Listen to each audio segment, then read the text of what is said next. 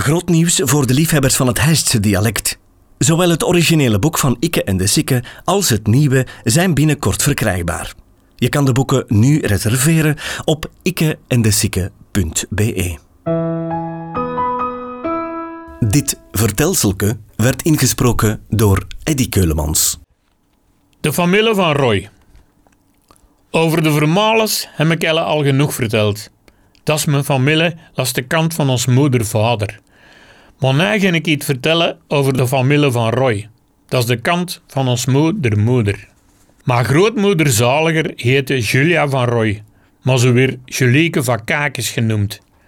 Haar ouders, mijn overgrootouders dus, die woonden in een klein, klein, witgekalkt hutteke op het Laar aan de Holstraat.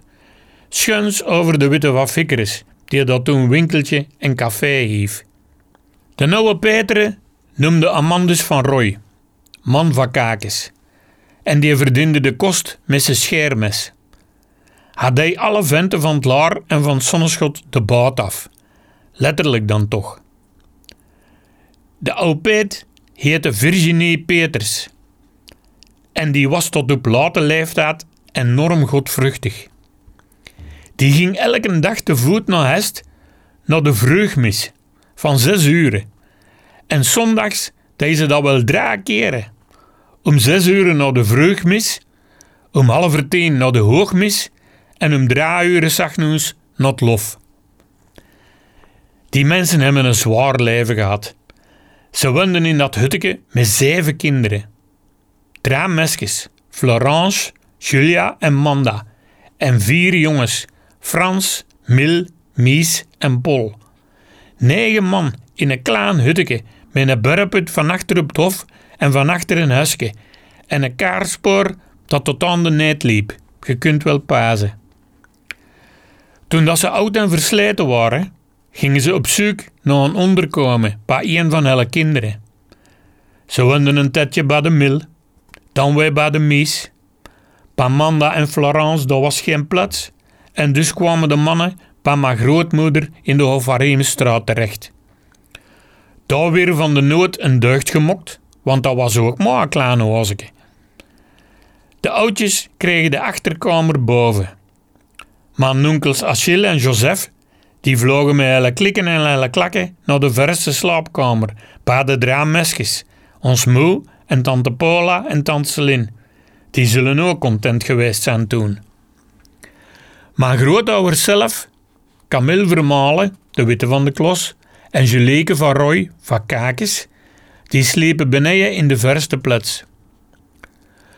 Nog later, als de mannen te oud waren en toch niet meer konden verzorgd worden, werden ze opgenomen bij de nonnekes boven op de berg. En daar zijn ze ook gestorven. In verdachte omstandigheden. Ze kregen daar een klein voor in te leven en te slapen.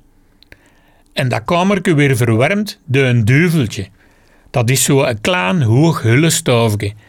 En in de winter kwamen de nonnen s'avonds dat stoofje dichtdroon. Van gierigheid. Gevolg? Op een mergend lagen ze allebei van zelf, koolstofmonoxidevergiftiging. Virginie was ter plekke dood, maar de oude man dus heeft nog bijna een half jaar liggen afzien op een ziekenzaal. Maar het kost niet ketten. Ons moe was de protégé van haar grootmoeder en ze mocht elke zondag meegaan naar het lof.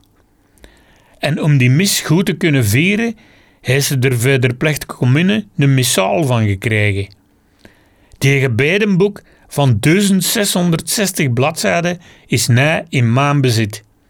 Ik ken hem al bijna rats van boten. Spatig genoeg dat er nu geen vreugmis meer is, want dan ging ik daar zeker alle dagen heen met mijn missaal. Of niet? Deze podcast kwam tot stand dankzij Huisdresselaars en Tropical. Volg de podcast op Facebook. Reageren kan je via de website ditishijst.be slash ikke en de of ikkeendesikke.be.